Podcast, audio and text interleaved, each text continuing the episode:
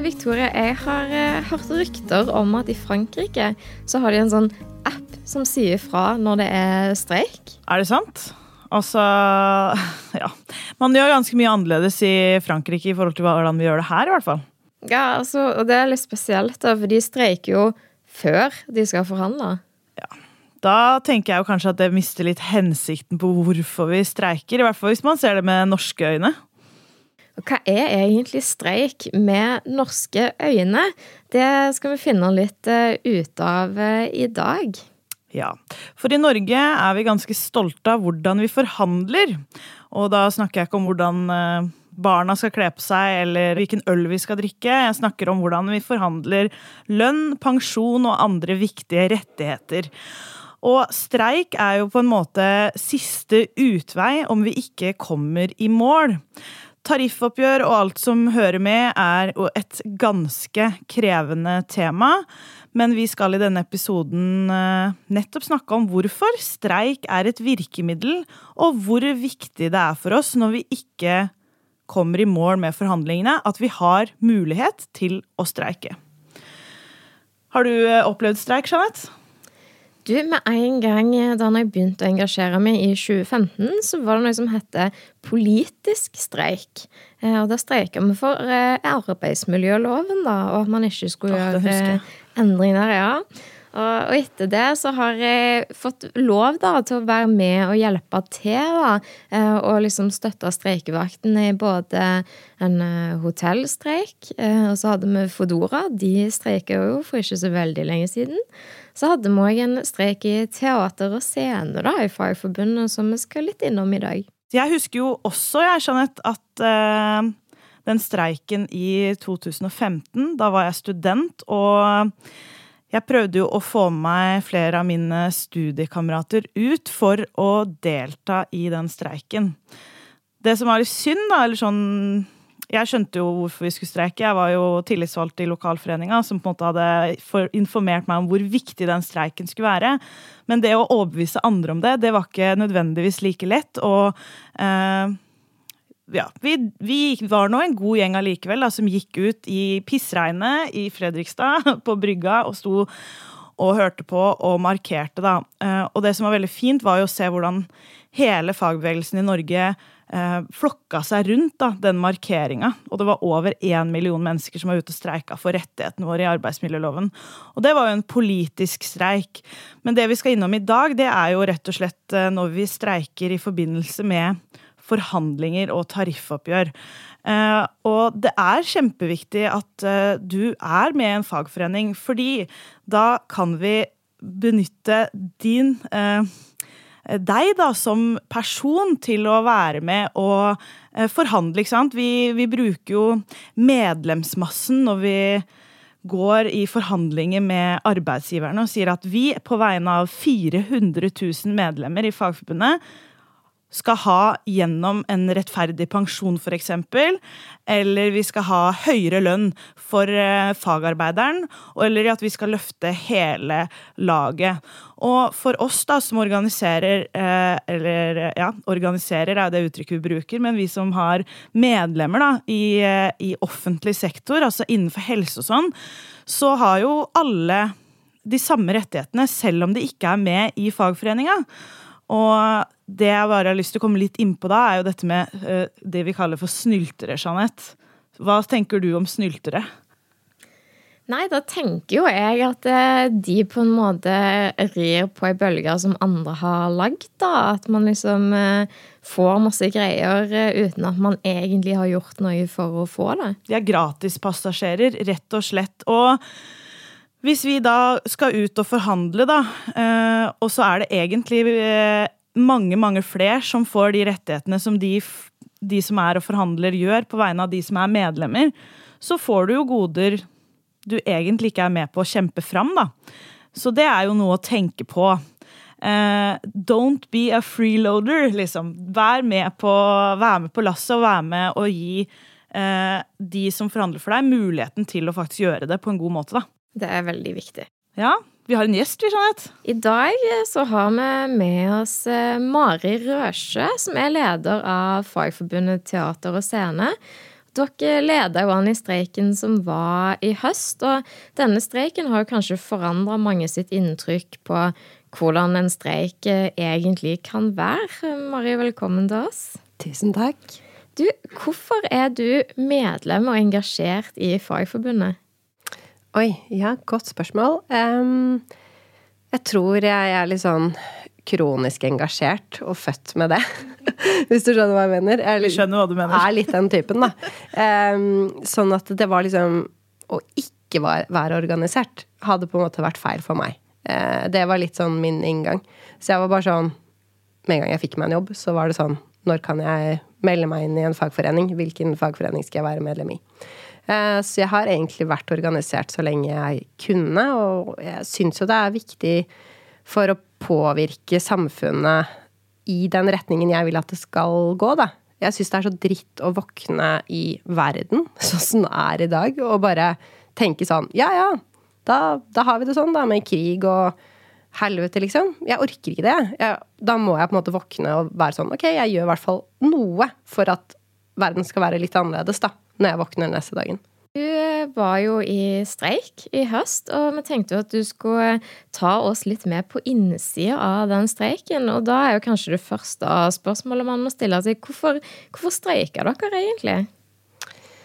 Ja, øh, vi streika jo fordi øh, vi sto i en situasjon øh, hvor vi hadde fått et løfte som ikke ble holdt fra arbeidsgiversiden. vi hadde en pensjonsordning som var god, eh, som var tilsvarende offentlig sektor. En pensjon som varte livet ut, og da var like god for kvinner som for menn. Eh, kvinner lever i snitt lenger enn menn, og det er derfor dette med livsvarigheten er så viktig. da, For å sørge for at den blir like god for kvinner som for menn. Og så hadde jo da våre virksomheter noen utfordringer økonomisk um, med den ordningen vi hadde. Uh, så de tok initiativet da til å endre pensjonsordningen vår. Og dette er jo mange, mange år siden nå. Det var jo 2015. Uh, eh, og det var jo motstanden var jo stor allerede da, men vi skjønte på en måte at ok, her er det utfordringer. Vi ønsker å være løsningsorienterte og konstruktive. Komme dem i møte. Så vi ble enige om at ok, da har vi en midlertidig løsning, men vi har en felles målsetning om hvor vi skal. Eh, og så var det den felles målsetninga, da, som var livsvarig og kjønnsnøytral pensjonsytelser, som vi opplevde at vi aldri fikk innfridd. Eh, det bare blei liggende. Og hvor lenge kan noe være midlertidig før det blir permanent? Så vi kom jo til et punkt hvor vi på en måte eh, måtte stille oss selv det spørsmålet, da. Men vi var jo klar allerede da over hva som kunne bli konsekvensen av å ta å ta, den, ta det kravet, da. Um, men det um, valgte vi å gjøre allikevel, og vi gikk en veldig grundig runde på det med organisasjonen og med de tillitsvalgte og med medlemmene på um, skal vi ta pensjonskravet, og når skal vi i så fall gjøre det? Uh, og så var det representantskapet i 2019, faktisk, som da lagde liksom de overordnede kravene da for hovedoppgjøret 2020. Og så blei jo det eh, endte det med en streik først i 2021 pga. pandemien og ting som skjedde da. Um, så det, det, var en veldig lang prosess da, hvor man på en måte Man prøver jo alle andre spora først, da, ikke sant? Det var jo derfor også det tok såpass lang tid. Fordi man har prøver i alle disse forhandlingsrundene lokalt, man har bistand, eh, man har sentrale forhandlinger, ikke sant. Det er sånn Man prøver virkelig alle man, alle verktøyene man har, da, eh, for å se hvordan kan vi oppnå det vi ønsker, og det som vi også egentlig opplevde at var en felles målsetning, da, ikke sant. Dere er jo en gjeng med veldig kreative mennesker, eh, og dere gjorde jo veldig mye spennende da, under streiken. Eh, hva var det dere gjorde som på en måte var litt annerledes enn andre streiker vi har sett? ja, altså vi tenkte jo at for å lykkes med en streik, så er det viktig å vinne opinionen, og det er viktig å få oppmerksomhet. Um, jeg syns dessverre ofte at det er sånn at streiker ikke får mye oppmerksomhet i media, og hvis de får det, så handler det mest om hvilke konsekvenser det får for eventuelt folk som blir rammet, uh, altså ikke arbeidsgiver eller arbeidstaker, men en kunde eller en bruker eller publikum etc., da. Sånn at vi tenkte jo veldig på en måte hvordan kan vi få ut budskapet vårt for å, at folk skal skjønne hvorfor vi streiker, og hvorfor det er viktig, da. For vi følte at vi hadde en veldig god sak. Um, og da skjønte vi at vi måtte bruke alle de kreative metodene vi kunne komme på. Og så er det også fordi, som du sier, da, medlemmene våre jobber jo veldig kreativt i jobbhverdagen sin. Eh, og det er ingen som hadde lyst til å på en måte sette seg ned og vente. For da skjer det jo ingenting. Så det var jo også noe med å, å, ha noe å gjøre, noe å finne på, rett og slett. Ha det gøy. Uh, hvorfor skal vi ikke ha det gøy når vi streiker? Um, det, er ikke, det, er ikke, en lett avgjørelse, eller det er ikke noe vi gjør med lett hjerte. Men når det først skal skje, så er det ingen grunn til at uh, man skal ikke gjøre det med stolthet, da. Den uh, streiken den dro jo litt ut. Den varte jo en stund. hvordan, hvordan klarte dere å holde motivasjonen oppe? Ja, det var eh, Godt spørsmål. Jeg tror det, det, handler nok mye om at når man går inn i det, så vet man jo ikke hvor lenge det kommer til å vare. Så man lever veldig i nuet. Og så den, altså en gjennomsnittlig eh, norsk streik varer liksom i ti dager eller noe sånt. Så man, man, ser jo for seg et helt annet tidsperspektiv enn det vi endte opp med. Og hvis jeg har forstått det riktig, så er det den lengste streiken Fagforbundet har hatt. Um, men um, jeg tror vi holdt motet oppe ved at vi blei Vi tok jo ut stadig flere, så vi ble jo flere, og vi fikk energi av hverandre. Vi var jo også sammen flere forbund som streika. Eh, så det ble jo et veldig godt samhold. Eh, og vi brukte mye tid på eh, å skolere medlemmene våre underveis i streiken, så folk lærte veldig mye underveis også. Det var mye tilbud om å gjøre forskjellige aktiviteter. Gå på turer, gå på kunstutstillinger um, foredrag, um, debatter. Um, så vi prøvde jo på en måte å Ja, sånn at folk uh, fikk ny inspirasjon av det, da. Og så tror jeg også mange kjente på det at når tida gikk, så blei de bare enda mer provosert over hvor uh, Hvordan motparten oppførte seg. Så også veldig mye av det de tingene de gjorde, og tingene de sa, ikke minst, førte jo til at engasjementet bare føyk i taket, på en måte. Hvordan, hvordan endte det hele, egentlig? Det endte jo med at vi eh, var i en eh, mekling eh, som eh, landa et resultat eh, som var at vi skal få livsvarig kjønnsnøytrale pensjonsytelser Um, og det skal være på plass innen 1. april, så det nærmer seg jo veldig nå. Uh, så det er, en, det er, en, dato vi ser fram til, da. Mm. Så, så, det gikk jo heldigvis uh, dit vi ønsket at det skulle, da. Men det var en hard og, og lang kamp. og det var liksom ingenting som kom gratis da, på den, på den veien. Mm. Mm. Vil du si at, uh, at streik nytta? Ja, herregud, definitivt. Altså, hadde vi ikke streiket, hadde dette aldri skjedd. Um, og det, det syns jeg det viser så tydelig, da. Altså, vi er jo en um, fagforening som uh, får til mye i samarbeid med arbeidsgiverne våre. Uh, og, men når det låser seg på denne måten, og vi ikke kommer noen vei, eh, så må vi bruke det sterkeste verktøyet vi har. Eh, for vi må sette makt bak kravene. Og det, det, er også det som gjør at, at, vi, at, forhandlinger kan fungere. At man har den makten og kunne bruke den. At man bruker den klokt. Um, sånn at det, når det er så store prinsipielle spørsmål det er snakk om, som kommer til å ha noe å si for de unge kvinnene som begynner å jobbe nå, og hvordan livet deres er, ikke sant. Ehm, det, det er for viktig, da, eh, til at man eh, ikke kan ta en sånn kamp. Veldig bra oppsummert, og tusen takk for at du kom hit til oss i dag. Veldig hyggelig å bli invitert. Takk for meg. Jeg ville streiket for mer rettferdighet i verden. Eh, bedre arbeidsvilkår? Miljøet. Fordi eh, jeg føler ikke at det blir tatt nok hensyn til det. Kanskje mindre priser for eh, hva heter det, billappen. Litt billigere for billappen. Jeg syns det er litt dyrt. At vi får ned bensinprisen. For det syns jeg er altfor dyrt. I disse tider så vil jeg i hvert fall streiket for at helsepersonell og lærere skal få et solid lønnshopp i det kommende oppgjøret. Dårlig lønn. Mm. Det er både en lønn å leve av, fordi det er veldig mange som ikke greier å leve av lønna si i dag.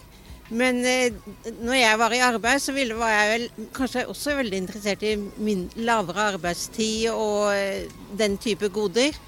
Men eh, først og fremst trenger jo folk lønn å leve av. Kanskje lønn. Nå har jeg gått i demonstrasjonstog for eh, både på 8. mars og med tanke på de høye strømprisene, så kanskje noe sånt. Mindre lekser. Eller ikke lekser i det hele tatt, liksom. Altså, Det er ingen ungdommer som liker lekser. Men jeg forstår jo at vi må gjøre lekser for å bli smartere, men jeg har ikke lyst på lekser. Uh, miljø. Ja, jeg tenker miljø er uh, en viktig sak å streike for. Renholderne. De fortjener en oppgradering av status. Det er noen av de viktigste arbeidsgruppa vi har innen offentlig sektor. Det er noen som kan lamme ja, alt som er innenfor helse, skole, rådhus osv. Så, videre. så er det faktisk av renholderne. Så de trenger oppgradert status og få bedre lønn, syns jeg. Vi har fått besøk av eh, Jonas Bals. Han er historiker, han er eh, forfatter, fagforeningsmann og jeg vil si vår selvoppnevnte streikeguru. Velkommen til deg, eh, Jonas. Tusen takk. Du har jo gitt ut en ganske tjukk murstein av en bok. Den heter Streik, en historie om strid, samhold og solidaritet. Og for oss fagforeningsnerder så er jo det en tittel som bare får oss til å krible, krible i kroppen.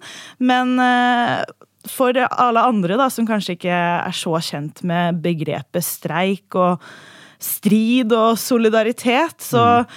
Hvorfor akkurat det temaet her? Så, eh, på en måte er det en veldig enkel grunn til det. og det er jo at Uten streik så hadde ikke arbeidsfolk vært verdt noen ting. Vi hadde blitt behandla som søppel. Det viser all historisk erfaring at der hvor fagforeningene ikke får lov å organisere seg på fritt grunnlag, og hvor arbeidere ikke får lov å streike, der utvikler eh, arbeiderklassen seg til å være fattige. Til å leve under uverdige forhold. Og hvis vi skal forstå hvordan vi har kommet dit vi har kommet til Norge i dag, hvor det tross alt er bra å være en vanlig, ordinær lønnsmottaker, så skjønner vi ikke det uten å skjønne noe av historien. Så delvis er det en bok om historie og hvordan vi har kommet dit vi er i dag, og hva besteforeldra våre og oldeforeldra våre ofra av blod, svette og tårer for å oppnå det vi kanskje litt for ofte tar for gitt i dag. Men så er det også en bok om vår egen tid. Og det er litt viktig for meg å understreke at det er ikke bare en bok om historie. Det, en av de siste streikene jeg skriver om, er jo den som Fagforbundet deltok i så seint som i fjor. Eh, I de private pleie- og omsorgsbedriftene. Eh, og så har jeg jo et langt, langt intervju med Eh, Espen, som var klubbleder i Foodora, som leda den såkalte Rosa-streiken. Og det kapitlet er nærmest mer å regne som en hva skal man si, en manual for å bygge en klubb. Eh, forberede seg på krav om tariffavtale og om nødvendig også streike. Noe de var nødt til, og som mange der grua seg veldig til. Men som de, mange av de sykkelbudene seinere sa, det var en av de beste opplevelsene i livet deres.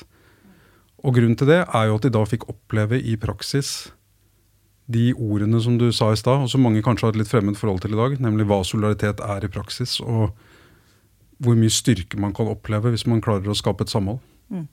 Det, ja. Vi snakker jo om amerikanske tilstander, og det er jo ikke noe vi ønsker i Norge. ikke sant? Og hos oss så har vi jo, som du sier, et, eh, en lang tradisjon for å forhandle og streike hvis vi ikke når fram med forhandlinger. da. Mm.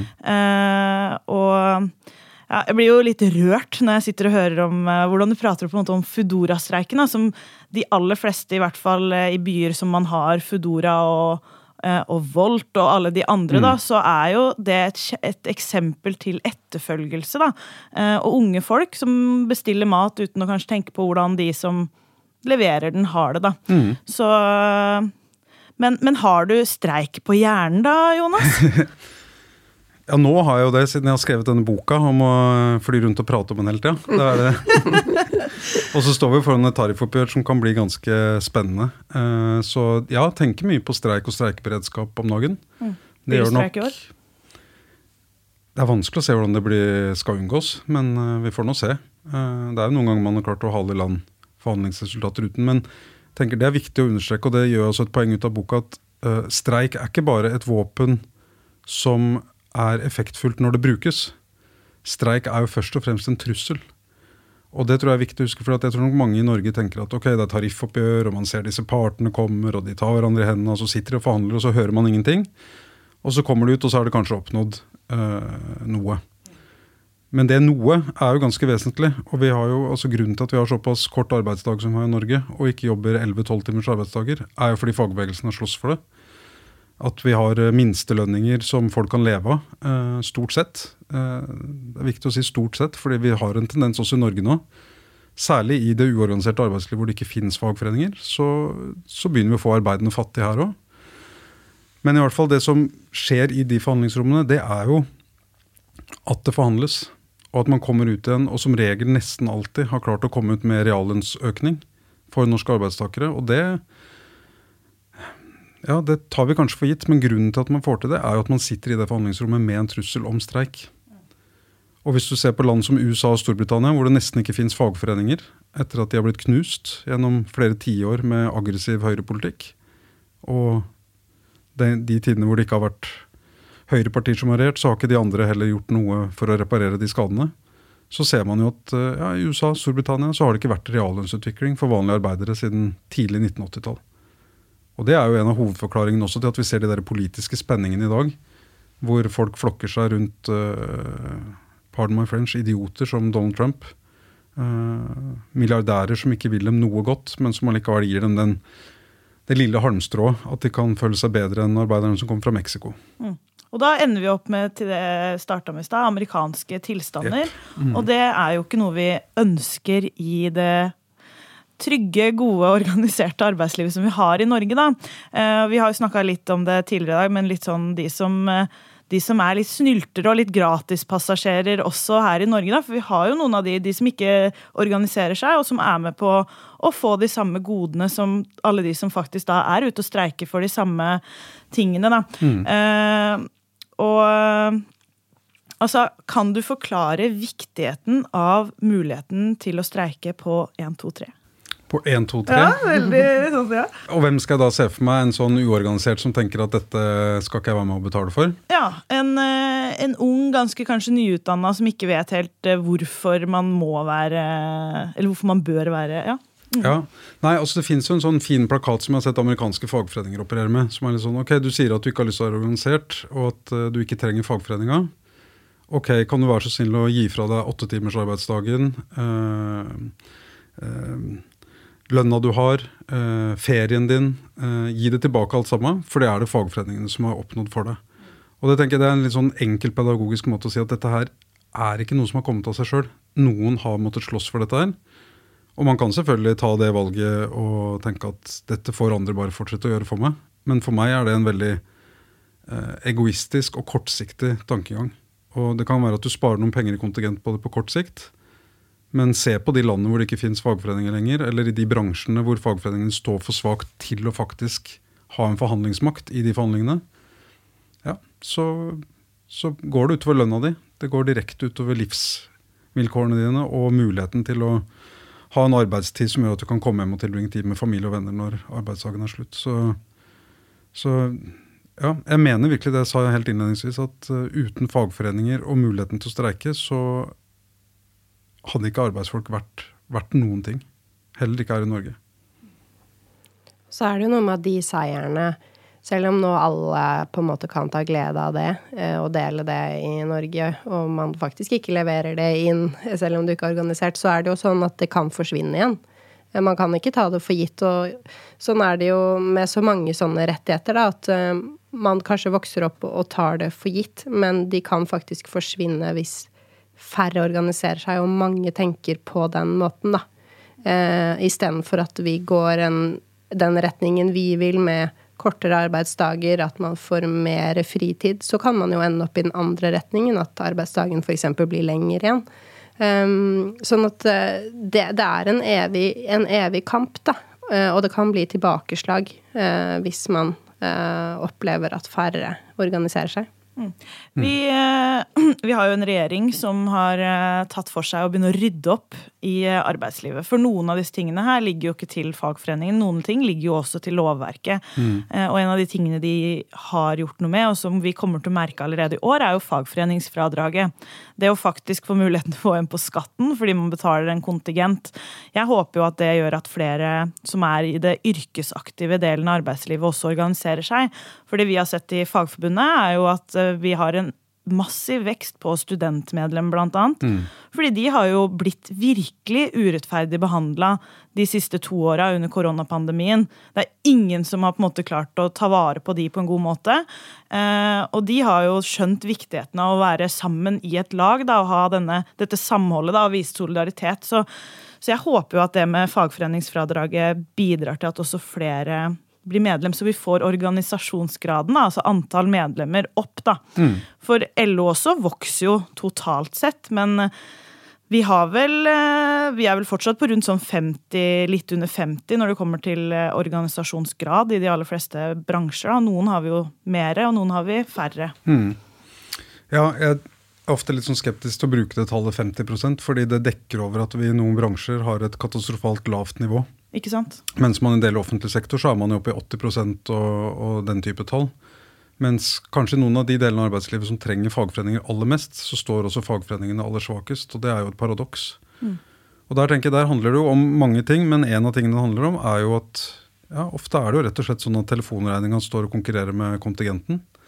Så det å få opp det fagforeningsfradraget, og det skal jo dobles uh, igjen i neste statsbudsjett, er det uh, blitt lovet. Og det, ja, det betyr jo noe for lommeboka til særlig folk som er lavtlønte. Så det, det er jo og det er jo en veldig sterk kontrast til det den forrige regjeringa holdt på med, hvor man tok inn i regjeringserklæringa at man skulle anerkjenne det uorganiserte arbeidslivet. Mm. Og det er som henta ut av liksom eh, manuset til høyresida i nettopp land som Storbritannia og USA. Ikke sant? Land som ja, Hvis du ser på de som satt og styrer her for noen, eh, bare for et par år siden Sylvi Listhaug har jo ingen større helt enn Ronald Reagan og Margaret Thatcher. De knuste fagforeningene. Ja, og som, hadde det som, som så det som sin viktigste oppgave i, i deres regjeringstid. Og det, det Nå er vi på et annet sted, og det tenker jeg at det skal vi i fagbevegelsen også huske. For vi må heller ikke begynne å snakke om ting på en sånn avmektig måte. Vi må huske at vi fortsatt står utrolig sterkt i Norge, og at vi må bruke den styrken med, med kløkt, selvfølgelig. Men, øh, men også være klar over at vi, vi er utrolig heldige, og ingen altså, Nå snakker vi jo litt om tariffoppgjør og de tingene der, men på ingen områder blir jo dette tydeligere hvis, hvis vi vender blikket østover til de landene som nå lever under autoritære, halvfascistiske eller helfascistiske ledere, og bare se på hva hviterussiske arbeidere har stått i de siste par åra. Bare ikke sant, forsøke å hevde retten til å i det hele tatt være organisert. Og de har jo blitt tråkka ned med jernhælen. Og nå er det ja, folk i Russland og folk i Ukraina nå, de, de, de har jo ikke ja, for, Folk i Russland har jo mista den muligheten for lenge siden. Og nå slåss ukrainerne på, på livet for å beholde retten sin til å kunne leve fritt. Ikke sant? Og det er jo rettigheter vi virkelig ikke skal ta for gitt, eh, Mm. som du sier. og eh, Derfor så tenker jo jeg da at det er kjempeviktig at vi eh, lø- løfter Vi snakker mye i Fagforbundet om vi skal løfte hele laget, at alle er like viktige. Eh, for vi organiserer jo alle på arbeidsplassen. Alt fra assistenten, renholderen, til eh, sykepleieren, masteren, lederen, rådmannen. ikke sant? Eh, og alle da er like viktige. Og så har vi jo forbund også i Norge som går ut og snakker om at man skal kun prioritere seg sjøl, meg, meg og mitt. Eh, og dette er jo noe kanskje opinionen da, i en viss grad syns at høres veldig appellerende ut eh, til å begynne med. Men hvis vi gjør dette her, så tror jo i hvert fall vi som sitter her, da, kanskje at eh, det vil jo gå utover noen til syvende og sist. da. Hva, hva tenker du om, om det når vi først skal liksom inn i, inn i det, dette halvåret som blir intenst? da? Mm. Nei, jeg var jo nylig på et 8. mars-arrangement hvor vi diskuterte bl.a. disse tingene her. Eh, og det som ofte slår meg, er jo at journalister Jeg tror nok mange journalister ikke kjenner noen folk med vanlige arbeiderklassejobber. Og det nærmeste de kommer, tror jeg, det virker som det er sykepleiere. Og jeg har sjøl venner som er sykepleiere også, eh, og jeg unner sykepleierne alt godt. Og jeg vet hvordan de har stått på gjennom pandemien. Men eh, det er ikke sånn at eh, de er aleine om å ha båret velferdsstaten gjennom denne pandemien her. Vi har renholdere, vi har hjelpepleiere. Vi har mange grupper som ofte ikke engang snakkes om i, når man snakker om de tingene her. Så jeg syns det ofte blir en litt sånn klasseblind måte å snakke om de utfordringene vi har, både med hensyn til likelønn og i forhold til å få opp de laveste lønningene. Og det, Hvis man skal klare å gjøre noe med det, så må vi ha et uh, solidarisk fellesskap som alltid drar med seg de lavest lønte. Og har det på høyt opp på den dagsordenen også for tariffoppgjøret. Veldig bra. Vi skal uh, gå inn for landing, men igjen, da, boka di heter 'Streik en historie om strid, samhold og solidaritet'. Og jeg tror jo at det vi har prata om nå, da, det oppsummerer jo nettopp de tre tingene her. At vi skal ut og slåss for det vi tror på. Og vi skal være stolte av den historien vi har bak oss, for de som faktisk har tatt de kampene. Og så er vi sterkest når vi har samhold, og ikke minst når vi viser solidaritet med hverandre. Og alle sammen er like viktig, og vi må dra det lasset sammen. da. Så jeg vil bare si, eh, spørre deg helt slutt, eh, Jonas. Syns du det nytter å, nytter å streike? Selvfølgelig. hvordan kan vi gjøre det kult, og eh, hvordan skal vi få folk til å synes at det er kult at vi streiker? Nei, altså Det har jo andre her fortalt bedre om enn meg i dag. Eh, men det fins jo mange andre måter, og det er det det er noe av det jeg prøver å få fram, bl.a. et kapittel om Foodora-arbeiderne. Fordi de, de, var jo glade amatører da de satte i gang. De hadde ikke prøvd å streike før, eh, men de hadde forberedt seg godt. De hadde Eh, tillit til hverandre, til at dette var riktig å gjøre. De hadde prøvd forhandlingsveien lenge, men det gikk ikke. Til slutt så merka at de stanga huet i veggen. Mange av de grudde seg til å streike, som jeg sa i stad, men de eh, heiv seg rundt, og de lot kreativiteten til medlemmene få utløp. Så folk kom opp med den ene gode ideen etter den andre, og de starta gratis sykkelverksted på Youngstorget. Lagde sykkeltog gjennom byen som synliggjorde streiken. De eh, var aktivt ute og brukte sosiale medier på nye og kreative måter. Og det var ikke fordi det satt en klok strateg på toppen og hadde forberedt dette. her, Det var fordi dette her romma disse folka. Dette hadde de i seg, og det fikk lov til å få utløp under streiken. Og det tenker jeg, det skal, og Noen streiker er vanskeligere å føre enn den Rosa-streiken, for den fikk jo mye oppmerksomhet i mediene, og det var valgkamp samtidig, så de fikk litt drahjelp av at politikere, til og med Abid Raja fra det fagforeningsfiendtlige partiet Venstre kom og ville ta selfie av seg med de streikende. Så, det ble de, kult å være sammen med de streikende. Ja, det ble det. Og de hadde jo fordelen at uh, kanskje var det også fint at Foodora har rosa som farge. Det ga jo liksom et sånn friskt preg til streiken. Men så mange vil nok oppleve at det er litt tråere ikke sant? når du står der på den 14. morgenen utafor Nationaltheatret på streikevakt. Høstkulda begynner å melde seg. Eller hvis du står utafor den private pleie- og omsorgsbedriften og dere er tre i streik, fordi man veit at i helsesektoren så må man plukke ut streikeuttaket med pinsett. Man kan ikke bare liksom ta ut alle. Ja, Så kan det være vanskelig å holde motet oppe, men da må, vi liksom, da må vi hjelpe hverandre. da. Og da må alle i LO-familien tenker jeg, huske at vi er en del av den store, samme familien, og så støtte hverandre når man står i det. Og bruke humor, kreativitet, særlig humor, vil jeg si. Prøv å ha det moro. Nøkkelen til hvordan vi får gjennomslag, ligger altså i medlemmene, og uten de har vi ingen makt. Derfor er det viktig å være organisert. Du vil vel ikke være en gratispassasjer.